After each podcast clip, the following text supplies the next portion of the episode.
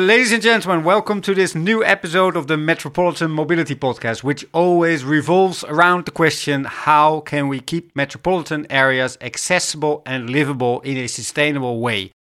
My name is Geert Kloppenburg, and I've got around about 70 years of experience in the area of mobility.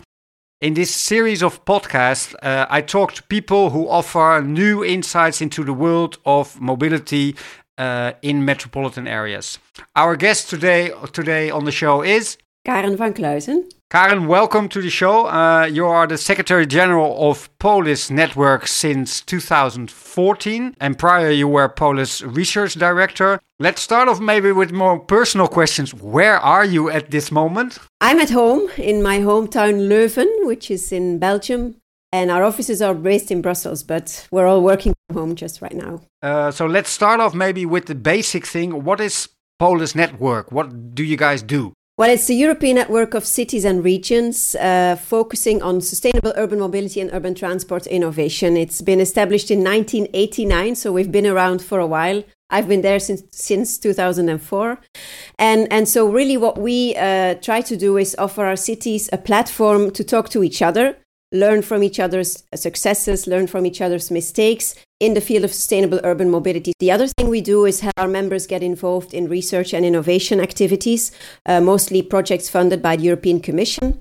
And then the third strand of activity relates to advocacy and policy, and that's representing the voice of our cities and regions towards the European institutions when it comes to sustainable urban mobility. And what you you've been around there for 17 years already. Yes, I feel old now. no, that's not.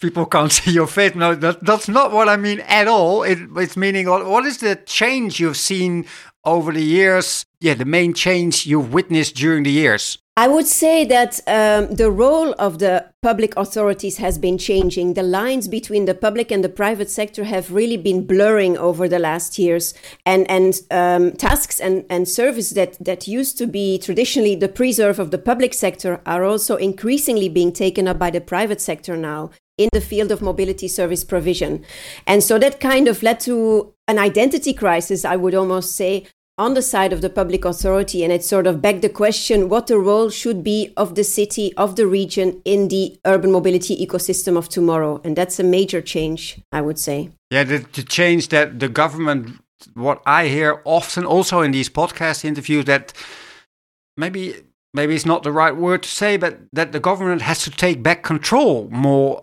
of their cities again. Yes, yes, indeed. And and it's something we really work on a lot that innovation can be good, but it's not a uh, it, it's a means to an end. It's not an end in itself. And also, what is important for cities is to set the rules of the game, to regulate that innovation, and to keep some kind of public sector oversight to make sure that these innovations are aligned with policy goals. We all talk about disruption these days, and some of these innovations are indeed disruptors and not necessarily or not automatically at least aligned with the goals that cities have set themselves whether it's um, um, better air quality more safety um, decarbonization um, equity and so on. I heard you say that technology on its own is not the solution. Am i right on that Yes, it's a means to an end. It can be a solution for a certain problem, but it is not automatically the case. And also, I would like to make clear that innovation is not just technology. Innovation can also be the way you shape your policies, the way you involve stakeholders, the way you co create with citizens. That's also innovation. But also, when we talk about technology in particular, all these new solutions they come with grand promises you know? They're going to solve all the problems that our cities are facing. But we see that if you do not set the rules of the game as as a city they may very well come with opposite effects than the grand promises they are, are bringing along or that they are trying to sell. And everybody knows the examples of Uber, uh, all the steps that are being uh, uh, put on the on the pavements in Paris and all over the cities. And they say they were going to, and sometimes they can be a solution to a kind of problem, but what you say is they need these rules to actually uh, to get to the goals of what the society or what the city needs. Yeah, so basically, you need to to uh, anticipate the likely impact of these innovations, which means maximize their opportunities, but also minimize uh, negative externalities and disbenefits. The example of the steps or the e-scooters, as they're called in English, are, are a typical example where you had negative externalities in terms of um, you know the, the e-scooters getting in the way of, of other transport users um, so we have to mitigate that at the same time it's also a matter of perspective because why were they getting in the way because soft mobility modes don't get the space they deserve in our cities and the biggest space polluter is in the end not a tiny e-scooter, but it's the private car. What does Polis Network uh, work on with the European Commission? Well, of course, um, a lot of legislation first and foremost targets the member states, so the national level. But indirectly, a lot of the transport related directives also have a tremendous impact on local and regional mobility policies. So, what we make sure is that, that the voice of our cities and regions is heard on the European level in terms of um, the likely impact that certain legislative initiatives could have on the local level. And uh, there is the ITS directive, for example, on intelligent transport systems, which links into ticketing uh, systems, for example. There is uh, legislation on electrification, where cities and regions have a major role to play in the rollout of charging infrastructure. And you can name many other examples. So we are an important stakeholder to consult for the European Commission on these issues. Yeah, and they just, uh, I think they, you probably know better than me, but they just accepted their budget for the next seven years. And what are the actual plans of the European Commission for mobility for the upcoming years? Well, in addition to those plans, they've also just published the Smart and Sustainable Mobility Strategy uh, in December. And um, that is also setting um, the, the framework, let's say, for what is going to happen in the field of transport. And the big uh, target to reach there is, is major decarbonization of the transport sector. And at the same time, we need to recover as well from the health crisis. But the main message that the Commission is bringing is um, that this should not be at the expense of the Green Deal targets, so the targets in the field of, of uh, decarbonization and, and climate goals. So while we are facing an unprecedented and very tangible crisis right now. All the other crises that we have been dealing with already haven't gone anywhere, unfortunately, and are also killing many people. So there is a combination of these Green Deal and climate targets, where transport has a major role to play, and a green recovery out of uh, COVID 19. And those should go hand in hand. And urban mobility, cities and regions hold many of the keys in terms of transforming the transportation sector. I understand, but I, I, I read the plan too, and what I see very much is that it, it it looks like it's so much and I understand from the European level, it's very much focused on the electrification of cars. And um, I read something like on the urban level, that's by far not the solution, the only solution to solve the problem of public space, of all the other things that come up. So I read the plan. I thought to myself, mm, where is the the next step for the public how do you say this properly, Karen? Space? Well, did mm-hmm. did you read that as well, or was I the only one that was thinking about that way when I saw the plan? No, you're absolutely right. Uh, digitalization and electrification and automation are the three main buzzwords that you see coming back over and over again. And that's also why I stress the fact that innovation is not just technology. And so for us, public transport and active travel are the backbone of any sustainable urban mobility ecosystem. And, and it's good to have fancy technology, but if you don't have the basics in place, you're not getting anywhere. No, but it's also like what I did not see in the plan yet. It's like okay, on sharing electric cars, subsidizing on on more like uh, in the the neighborhoods that are a little bit more outside, and all the new innovations that come along. I did not see anything yet. It was only like model shift from air towards rail. Okay, that's costing humongous amount of money and probably is needed, and electrification of cars. But these other things, I was like Oh, are you guys from Polis Network also focusing on that, like to get that in? Yes, absolutely. It also has to do with where the competence lies of the European uh, Commission, of course, and that's where they focus on. But we always say as well that subsidiarity, as it's called, you know, the right uh, interventions on the right level, should not be an excuse for not directly interacting with cities as well and empowering cities to do what you are mentioning are indeed the priorities on the local level. And within our governance and integration working group, we have been establishing a very close dialogue with these new players in the field, the shared mobility providers. And I think if ever there is momentum for sustainable modes to join forces it is today within the current COVID 19 crisis to make sure that public transport and shared mobility modes, as well as active travel, are better integrated and together offer an alternative of sustainable mobility options that can compete together with the private car because there is this threat that we will all turn to the private car now as the ultimate safety bubble.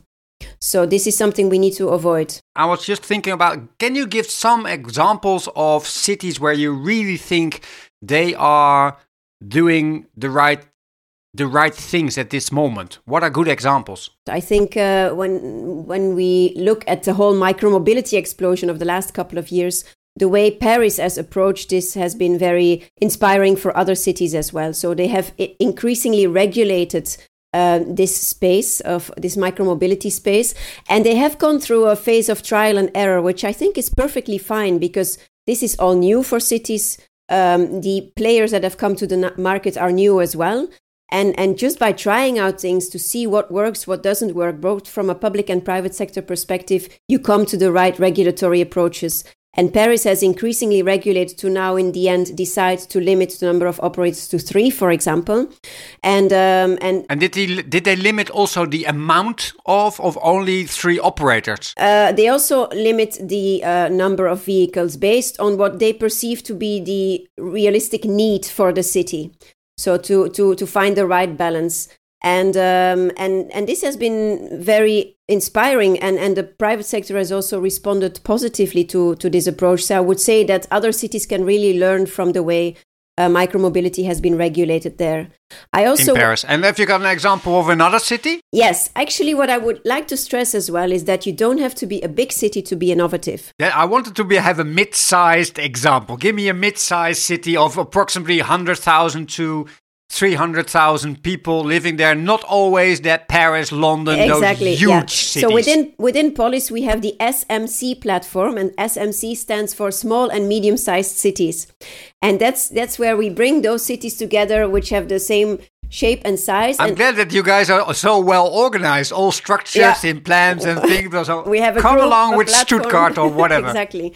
And let me um, put on the spotlight on my own hometown, which is currently also the European Capital of Innovation. They won a 1 million euro prize. Oh, we get the Belgium promotion. Here we go. Yeah, yeah come yeah. along. And so that is the city of Leuven, which is 102,000 inhabitants. So it falls within your uh, when you, within your category. And um, and the interesting thing is that that they also won the prize for what I mentioned earlier as as a key um, innovation, and that is public private cooperation and citizens' involvement. They have a climate neutrality goal, for example, where they really uh, set up partnerships with the industries and research sectors active in Leuven, but also engage citizens. I I understand on a like high level then what you mean, but if my daughter would walk into the room and then what do you mean with this public private collaboration of what what is then so unique what did they actually do in leuven so a very concrete example in the mobility field is uh, leuven is rolling out what they call um, mobi hubs or mobility points and it's different um, uh, hubs across the city where different shared mobility modes come together, which are offered by the private sector. So we're talking about e bikes, but also e cargo bikes, for example. We're talking about uh, car sharing. So these different modes are offered at integrated hubs across the city and at a, a quite short distance from each other. So to be used for citizens, uh, but also for visitors. And why is this then so unique in this public-private combination? For, for me, it looks very obvious to say, okay, the public says this is the space where you can do it, and there's three operators. And so why is then this collaboration between private and public so special? Yeah. Um, well, when we look at the private mobility operators these days, many of them are living on venture capital, to be honest. And still, they're quite expensive already as well. So, if you want them to become a daily part of your commute, you will end up paying a lot of money. But at the same time, if these mobility services, and for some it's yet to be proven, but if they play a positive role and help you reach your policy goals as a city, we have to consider subsidizing them or setting at least uh, up some new kind of public-private partnerships or business models. And this is what Leuven is also exploring through these Mobi hubs. They are partly subsidizing these schemes, and they, they, they think and they realize that if they tend to be or become successful, that they will have to continue to do so for these services to survive. And they're willing to do so if they help reach uh, them reach their equity goals or accessibility goals.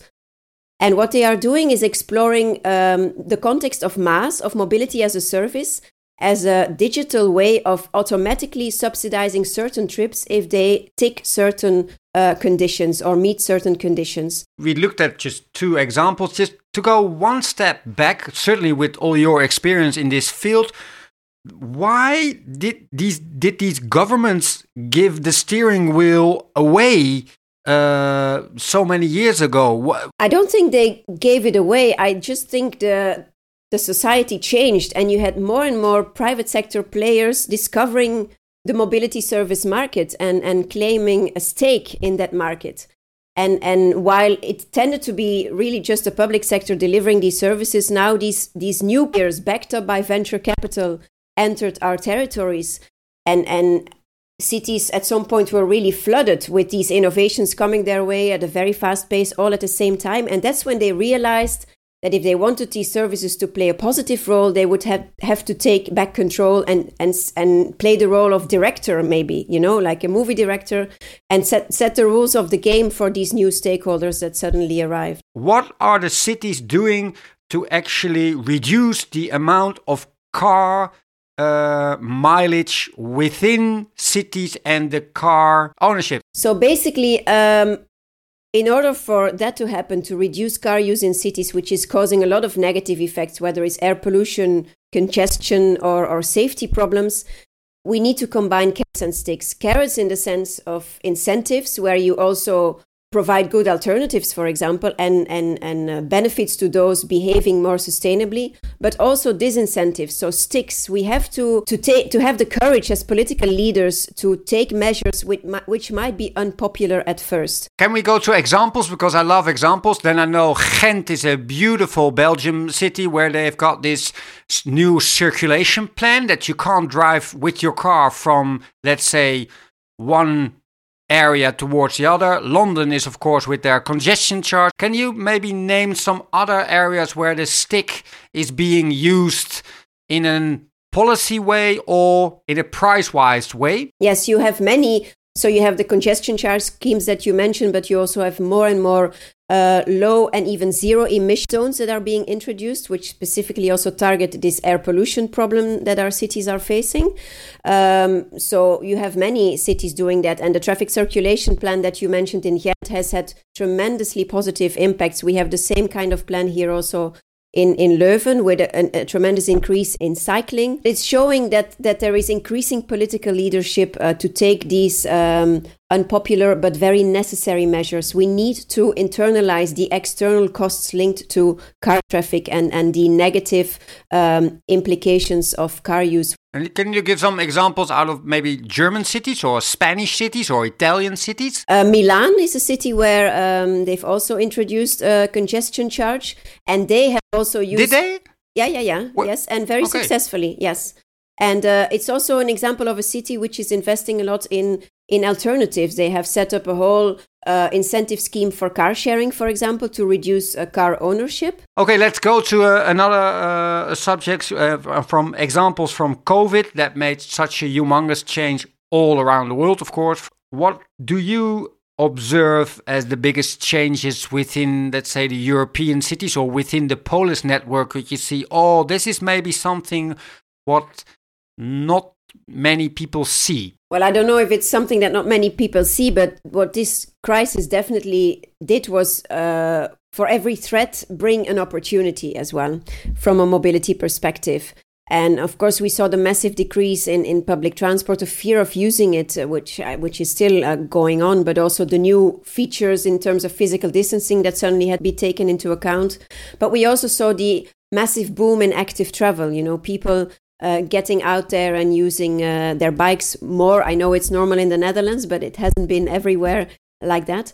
Uh, walking more, people experiencing cleaner air, less congestion, more working from home, etc. But now the question is, what happens after uh, COVID? Yeah, well, you, you, you know, you can do this interview by your own. That's what actually my question is.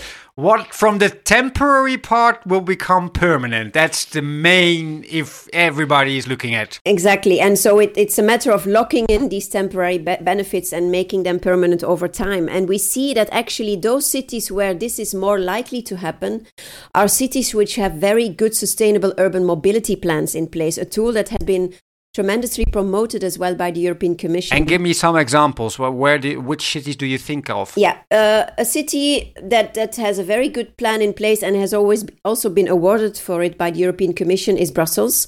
Um, so they received the SUMP award uh, last year, and what they actually did uh, throughout this crisis and are still doing throughout this crisis is accelerate a number of measures which are actually were in the pipeline for the coming years and roll Such them out as? Um, for example, more bike infrastructure. And did you see a lot of because the public space became so much more important in every city? Yeah, you see the terraces uh, at New York pumping up. You see, uh, I saw an example, Karen, in Berlin. I loved. They they took up a, a, a parking place for cars, and they said we are going to have this space for free for elderly people that at least they could go outside. Have you heard more examples of the change of the public space itself for mobility? Yes, actually, the trend of giving the streets back to the people is something that had been initiated in quite a lot of European cities already pre COVID.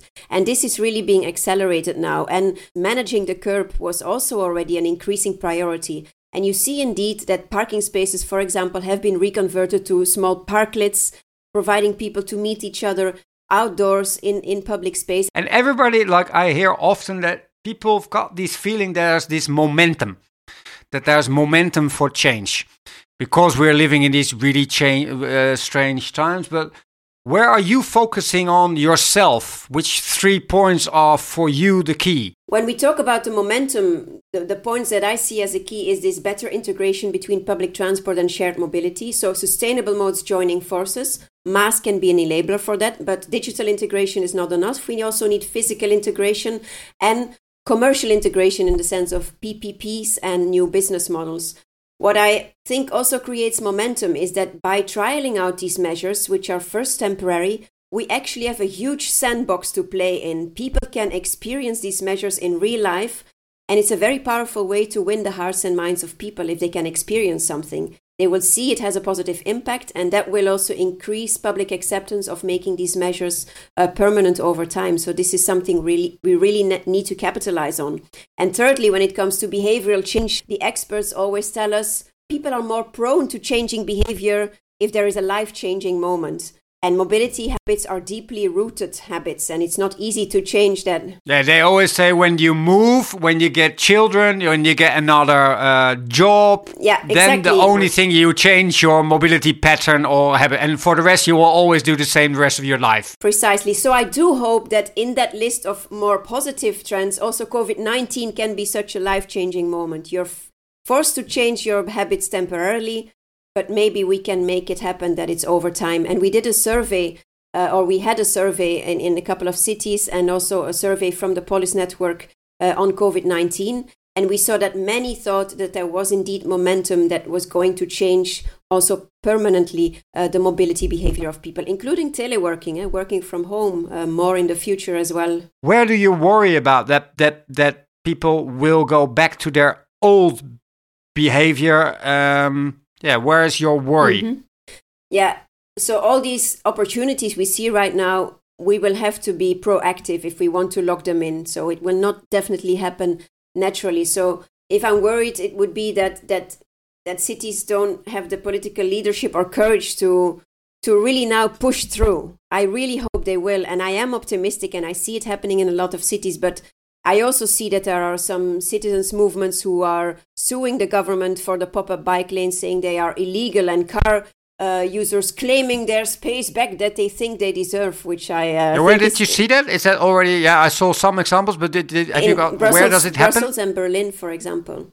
Yes.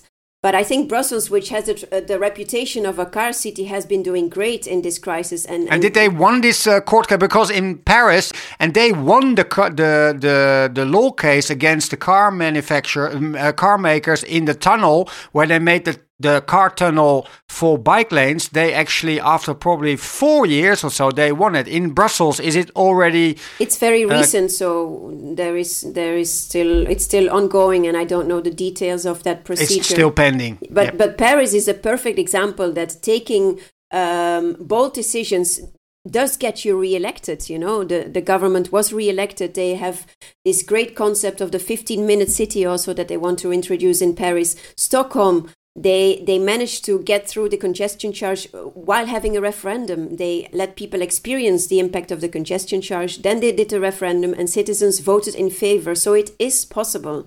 And it, it's that kind of political leadership we need to make sure that we make the best out of this crisis, that we don't waste this crisis and, and uh, accelerate the trend of giving the streets back to the people. Okay, uh, Karen, have you got something to add? We, we we talked about COVID and the big changes. We talked about Polis. We talked about the governance and the innovation. Well, I think it's a very exciting area to to work in. You know, a lot has been happening, and and we, we tend to talk about all the crises and and the challenges that our cities are facing. But at the same time, it's also very uh, stimulating and interesting to see how these different innovations are coming our way and how we can use them uh, for a good purpose. And and um, it's it's it's it's been really uh, an interesting uh, journey so far to see how, how our cities are, are stepping into the front lines um, to make sustainable urban mobility happen and now even more than, than before with and uh, actually coming back to the steering wheel that's yeah. the main thing that is changing yes absolutely so we really work a lot on making cities aware of how much power they actually have and that they should grab that power. And space, coming back to the space dimension, is such a powerful tool. By giving space to certain modes or taking away space from other modes, you really decide which modes you want to prioritize. And what we want is a city for people and not a city for cars. And that's uh, gaining ground more and more. Now, let's end with that. Ladies and gentlemen, today we talk to Karen Vancluysen of Polis Network about how cities can help each other to become better places to live and move. Uh, Karen, thank you very much for joining in. Uh, it was great to have you on the show. Uh, thanks everybody for listening. Don't forget to recommend this podcast to colleagues and friends. And if you have any comments or questions, you can email to geert at geertkloppenburg.nl. And uh, Karen, are your kids already there? Do you have to put them into the bed? They haven't knocked on the door yet and i think the longer this they can stay up the more they will love it so. Absolutely. So for everybody stay safe. Karen thanks a lot for Thank joining you. in and uh, uh, goodbye for wherever you are listening. Cheerio. Bye bye thank you. Bye bye